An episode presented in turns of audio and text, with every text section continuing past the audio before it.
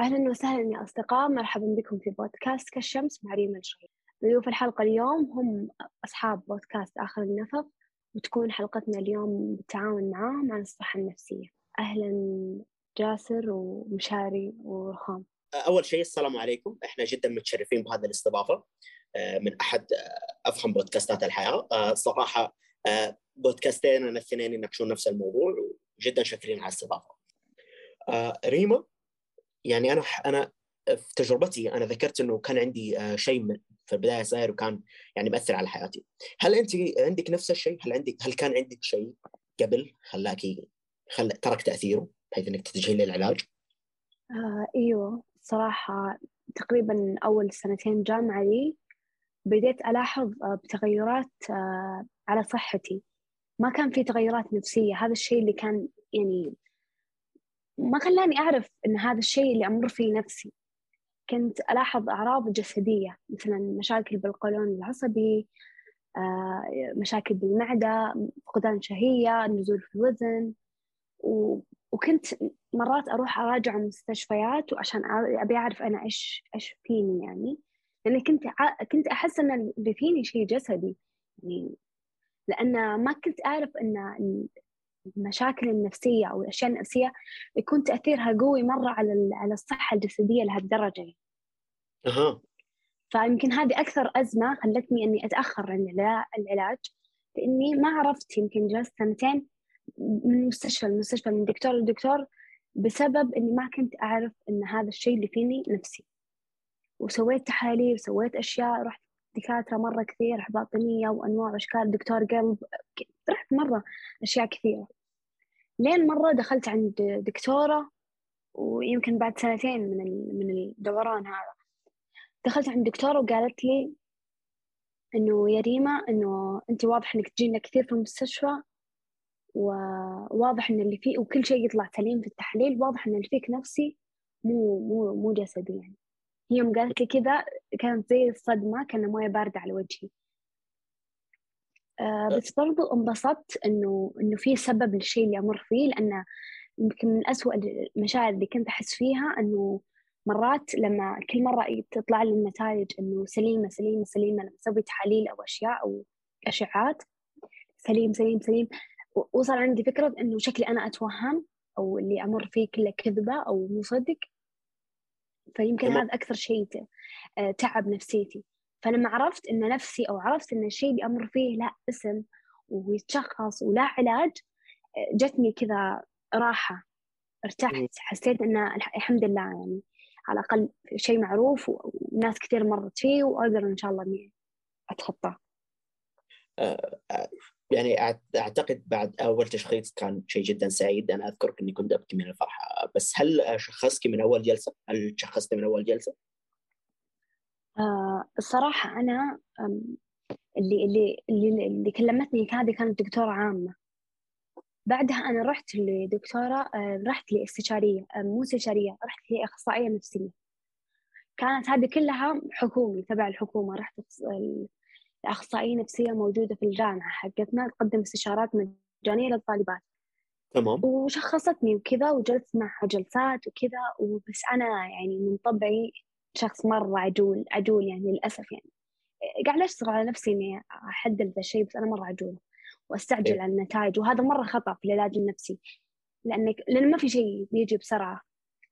يعني من الأشياء اللي كان يقولها لي الدكتور إنه شيء كنتي تمرين فيه وتراكم في جسمك وغير من الكيمياء حقت دماغك وقعد سنوات يأثر عليك تبيني يروح كذا مستحيل. لازم تاخذين وقت لازم. فأنا قلت للأخصائية إنه أنا حسيت إن الجلسات ما فادت معي. فشوفي إذا تبين تحولين لدكتور نفسية. إنه عشان آخذ دواء. كنت أحسب إن الدواء ماجيك وسحر. خلاص مجرد ما أخذ الحبة خلاص كل شيء بيروح يعني. كذا كانت فكرتي عن الأدوية النفسية. فرحت وجربت الدواء النفسي وانصدمت بالواقع. واكتشفت إن الدواء أصلا يعني آه إنه يعني ما فاد معي ابدا. ما كنت أحس إني آخذ دواء أصلا. يعني شكيت إنهم معطيني الدواء هذاك الوهمي اللي تاخذه بس يعطيك إحساس يعني بلاسيبو. قاعد تاخذ دواء. أيوه. فبعدين قعدت ثلاث شهور وتركته بنفسي للأسف يعني وانتكست حالتي. يعني تمام. وقعدت سنتين بعدين رحت طلبت العلاج مرة ثانية. تمام. كان في أعراض جانبية للدواء؟ طبعا آه أنا لما بديت العلاج تقريبا في عشرين واحد وعشرين بداية عشرين واحد وعشرين بديت العلاج كان كانت حالتي أسوأ بعشر مرات. يعني أضربها بعشرة. كان أوه. مثلا الصداع اللي كنت أحس أحس فيه صار دبل مليون. كنت راسي خلاص ما أقدر كنت نفسي أمسك راسي وأصقع بالجدار من كثر الألم. يعني كانت حالتي أسوأ بمليون مرة بس أنا آه، وقتها لأني كنت معلمة أهلي عن العلاج النفسي وأهلي كانت فكرتهم من العلاج النفسي إنه مو كويس وإنه يضر وإنه ما راح يفيد وكذا. فأنا اضطريت فترة دي من على كثر التعب اللي كنت أحس فيه إني ما أبين لأهلي وأبينهم إن أنا تحسنت وإن الدواء مرة كويس. مع إن الدكتور قال لي ترى القلق بيزيد عندك. بيزيد القلق عندك إذا بديت في الدواء. تقريبا شهر قعدت. كان مرة زايد الأعراض عندي. وبدأت معي نوبات الاكتئاب لأن هذه من الأعراض الجانبية برضو حق الدواء. وبس الحمد لله يعني الحين تقريبا لي شوية وأكمل سنتين على الدواء. يعني في شهر واحد السنة الجديدة عشرين اثنين وعشرين بكمل سنتين إن شاء الله. تمام. آه، إيش تنصحين أي شخص آه، بدي آه، في علاج للقلق وأدويته وصلته لنفس الحالة؟ يعني أنت وقفت الدواء بنفسك بعدين هل تنصحين بذا الشيء؟ لا طبعا.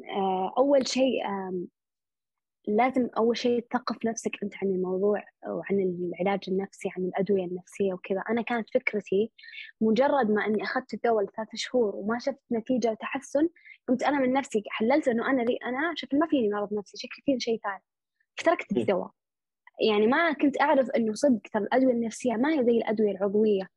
إذا الدواء ما نفع معاك جرب دواء ثاني جرب دواء ثالث لين توصل للدواء اللي يناسب معاك. ما هي زي الأدوية العادية مثلا أدوية الضغط والسكر وغيرها. فهذه النقطة يعني لازم الواحد أحس يثقف نفسه. برضو الأعراض الجانبية اللي تمر فيها أنصح أي واحد يمر بفترة علاج إنه إنه يصبر يصبر وياخذ وقت ويعطي نفسه وقت وما يستعجل أبدا أبدا بالنتائج. ويتذكر كيف كان ويتذكر وين وصل عشان يقدر يستمر آه، ويوصل للنتيجة اللي هو يبيها.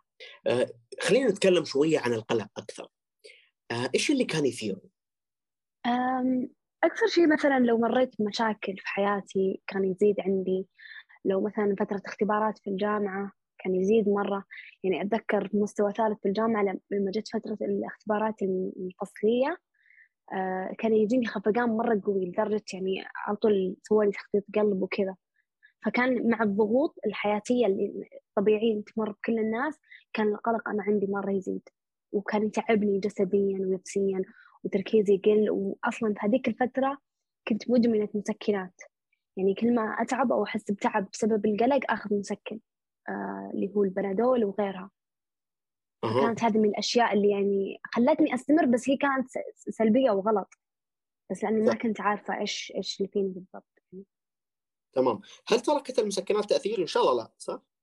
لا الحمد لله. يعني ما كنت مكثرة. يعني كنت آخذ منها بس قد ما أقدر أحاول آخذ أخف نوع. يعني ما آخذ بنوع مرة قوي. تمام. آه خلال بس. أتوقع لو استمريت أكثر يعني طبيعي إنها بتأثر بس أنا الحمد لله من يوم بديت علاج تركتها.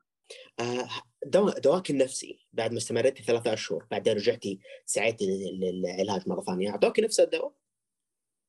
لا مو نفسه طبعا. لما قلت لما قلت للدكتوري اللي معاه أنا حاليا قلت له إنه أنا جربت الدواء قبل سنتين وقلت له اسمه قال خلاص معناته إنه ما ناسبك ووصف لي دواء ثاني. ودواء ثاني زي ما قلت لك في البدايه زود عندي القلق وتعبني وكذا. بعدين الحمد لله تدريجيا بدأت تخف معي الأعراض مع التزامي بالجلسات بالجلسات النفسية مع الدكتورين يعني أنا ما كنت بس ماشي على إنه أدوية وخلاص كنت أراجع مع دكتور نفسي. جت فترات كانت جلساتنا أسبوعية كل أسبوع. آه، كنت أقول له إيش صار إيش ما صار نتناقش عن المشاكل وهو يعلمني هو مهارات حياتية تخليني أستقبل مثلا مشاكل مثلا بتعامل أقل قلق أو بأسلوب أقل قلق عشان أقدر يعني أغير نمط حياتي أو أغير تفكيري القلق هذا يعني. أها آه طيب يعني أعتقد آه اللي نقدر نتوصل له إنه آه، العلاج النفسي أفضل شيء إنه يكون دواء مع معالج نفسي صح؟ مو أفضل شيء هو شوف أنا بالنسبة لي أفضل شيء إن الواحد يروح وهو حالته لسه بالبداية ويروح لأخصائي نفسي ويسوي جلسات بس بدون أدوية كذا أحسن له بمليون مرة. لكن متى متى يضطر للدواء؟ يضطر للدواء إذا كانت حالته اكستريم يعني حالته جدا صعبة. إذا وصل لحالة جدا صعبة أنا كنت واصل لحالة مرة صعبة. آه يعني كان الموضوع مؤثر على نومي واشياء كثيرة يعني مرة كانت حالتي صعبة عشان كذا يعني وصفت على طول الدكتور آه دواء. فأنا أنصح الناس اللي يعني حالتهم بسيطة أو إنها كانوا في بداياتهم إنه بس يروحون جلسات نفسية يتكلمون مع الاخصائي النفسي يطبقون التمارين اللي هو يطلبها منهم وهذه الأشياء وبتساعدهم يعني. لكن إذا وصل اضطروا إنهم يوصلون لمرحلة الدواء النفسي فأنا أنصحهم إنه مع الدواء يأخذون جلسات برضو. لأن الجلسات مرة مفيدة إنها لأنها تأثر على الحياة ككل ما تأثر على يعني بس على حالتك. يعني بتحسن حالتك وبتحسن حياتك بعد بالمستقبل. لانها بتغير طريقة تفكيرك. تمام. آه خلينا نتكلم شوية عن الأفكار اللي كانت عند أهلك اللي كنت آه تدعين شوية إنك آه سليمة. آه هل كانت آه نقطة صعبة في علاجك؟ وكيف تعاملتي معاها؟ جدا صعبة. أنا كنت آه، أحس بخوف. كنت أحس ان بعد الله ما في شيء راح يخفف عني تعبي إلا الدواء لأن كانت حالتي جدا صعبة يعني. لدرجة كنت بسوي يعني مرة كانت حالتي صعبة تعب جسدي قوي مشاكل في جسمي أشياء زي كذا. فكنت حالتي مرة صعبة وكنت خلاص أنا مرة يعني يائسة واصل مرحلة اليأس لدرجة خلاص إني أحس إني يعني إن خلاص أنا أحس إني قدامي جدار. فأنا وأنا عارفة نظرة أهلي بمجرد ما أبين لهم إن أنا والله متأثر سلبيا بالدواء بيقول لي اتركيه وبلاش الدكتور وخلاص. وأنا خلاص يعني إيش إيش بسوي؟ أنا يعني أملي بعد الله ذا الدواء. فقلت يا ريما خلاص شو نسوي؟ يعني نتحمل ألم ونسكت ولين الله يفرجها وتبدأ الأعراض تروح يعني. والحمد لله يعني. تمام. بس كان يعني... مأثر علي سلبيا بشكل كبير يعني. نفسيتي كانت تعبانة. فوق التعب اللي أنا أحس فيه إني مضطرة إني ما أبين للناس إني أنا قاعدة يعني أعاني أو إني جالسة أتعب أو إني جالسة يعني أو إني تعبانة ذا الوقت يعني. آه إلى الآن زي كذا ولا ممكن الأهل تغيروا بدوا يدعمون؟ الأمانة لا صراحة ما تغيرت نظرة أهلي بس إنه أنا الحمد لله يعني تحسنت كثير. أنت إنه مرات ترى بالضبط أيوة أنا اتثقفت زائد إني أنا تحسنت. يعني أه. أيوة وترى يعني مرة صعب إنك تقدر تغير فكر آه، خاصة آباء وأمهات يعني. فشو شو تسوي؟ كل اللي عليك إنك تحاول تتعايش. في أشياء ما تقدر تغيرها. صحيح. آه، إحنا حنتكلم عن شوية تغيير ثقافة الصحة النفسية عند المجتمع. بس خلينا قبل ما نتكلم عن هذا كيف كانت فترة علاجك كم دواء؟ آه، كم دكتور آه، جربتي؟ يعني كامل الفترة كيف كانت؟ أنا تقريبا من البداية يمكن ثلاثة أطباء نفسيين وثلاثة أخصائيين نفسيين. okay. وبالنسبة للأدوية دواء دواين بس. يعني دواء واحد ما نفع معي ودواء ثاني ومشيت معاه إلى الحين يعني ما ما ما جربت أدوية كثير وفي في خلال فترة علاجي بالدواء اللي أنا آخذه حاليا كان مرات يعني عشان الأعراض الجانبية اللي كنت أمر فيها كان الدكتور يسوي يعني يعطيني دواء آه، مؤقت مثلا لمدة شهر مدة أسبوعين كذا عشان مثلا يساعدني على إني أتخطى الأعراض الجانبية في الفترة هذه لين يبدأ جسمي يتعود عليها أو شيء زي كذا يعني. آه ليه غيرتي دكاترتك؟ إحنا الدواء نعرف ترك فيك اعراض لكن الدكاترة ليه غيرتيهم؟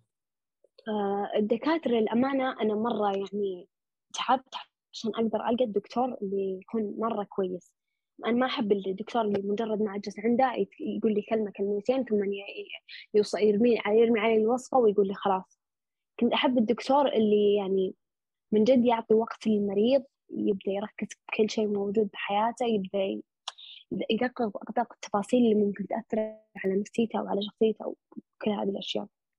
فأنا يعني الحمد لله بالأخير طحت بالدكتور اسمه حاتم عسيري آه، موجود عنده موجود في مستشفى الحرس وموجود في آه، عيادات في الرياض.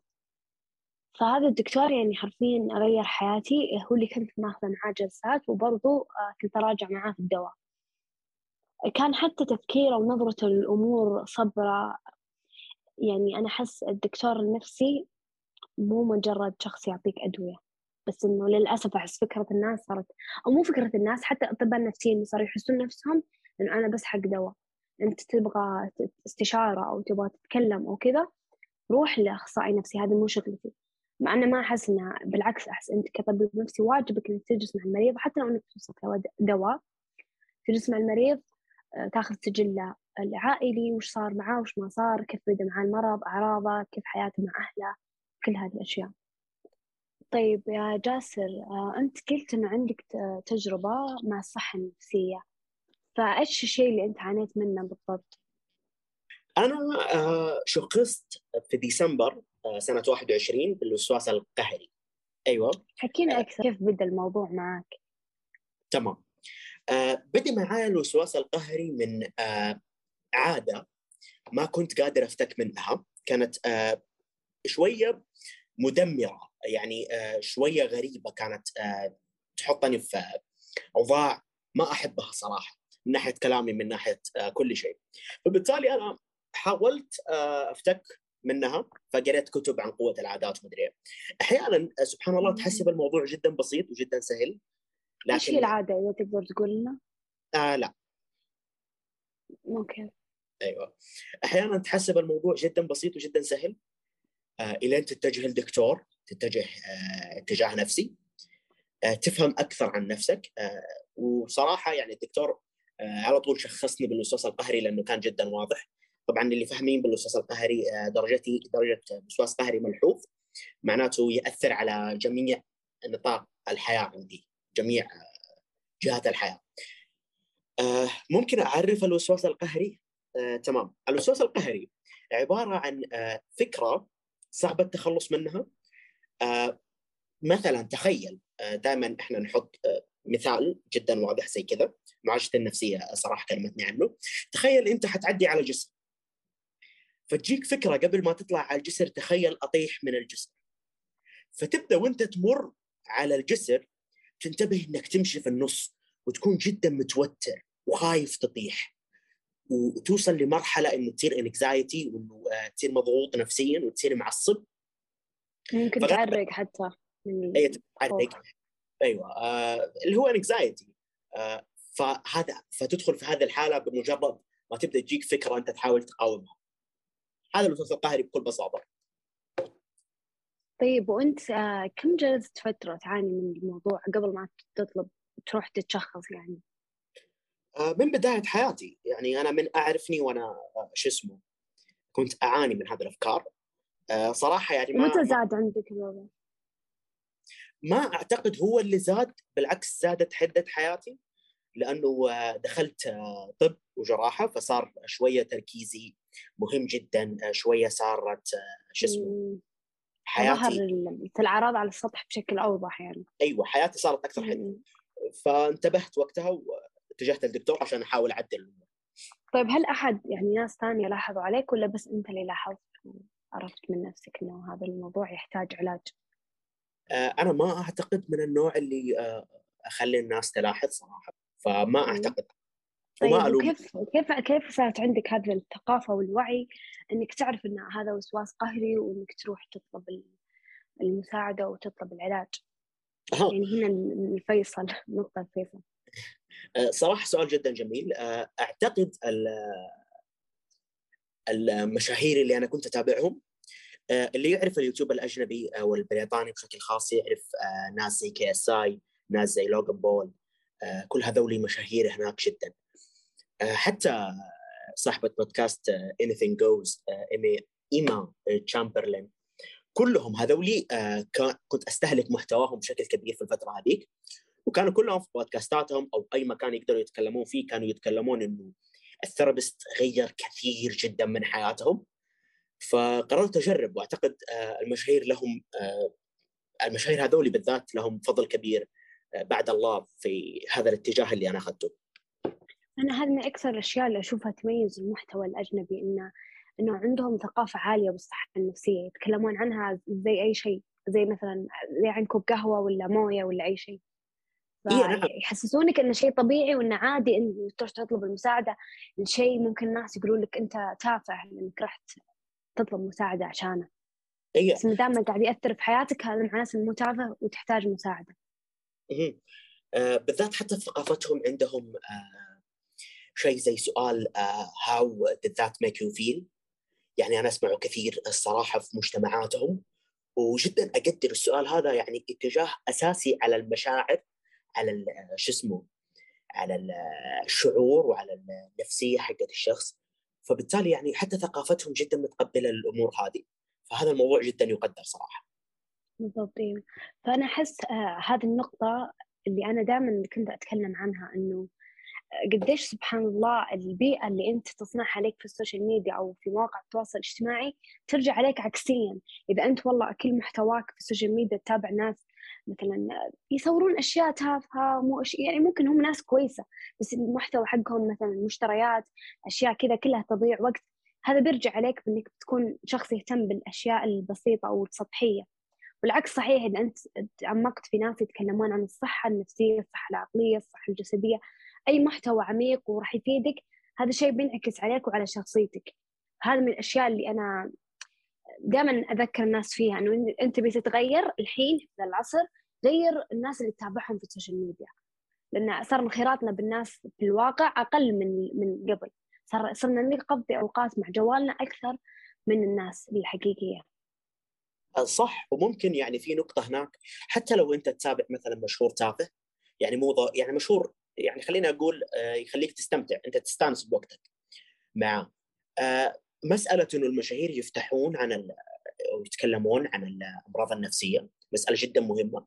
لأنه إذا إذا كان مثلا يضحك وي يعني يخليك تحس بأي شعور مو ضروري شعور آه، شو اسمه آه، مهم أي شعور عادي آه، في نفس الوقت هو يتكلم عن الصحة النفسية حيخليك أنت تقدرها وتتجه آه، إنك تكشف عن نفسك بس. هو لأنه هو بالنهاية مؤثر آه، المشهور هذا. مهما ك... يعني حتى لو كان مثلا جيمر أو أي شيء مهما كانت ما دام مشهور مع- معناته إنه مؤثر على فئة معينة من المجتمع. فإذا هو كان عنده الوعي وبدأ يتكلم عن هذا الشيء أكيد إن الناس اللي تتابعه بتتأثر وبيزيد عندها الوعي في الشيء اللي هو يتكلم عنه. اي نعم أكيد. طبعا كانت هذه نهاية حلقتنا. آه، التكملة بإذن الله بتكون موجودة في بودكاست آخر النفق تلقون الرابط في صندوق الوصف. لا تنسون تقييم الحلقة ومشاركتها مع أي شخص إذا عجبتكم وكل الحب نلقاكم بإذن الله في الحلقة القادمة.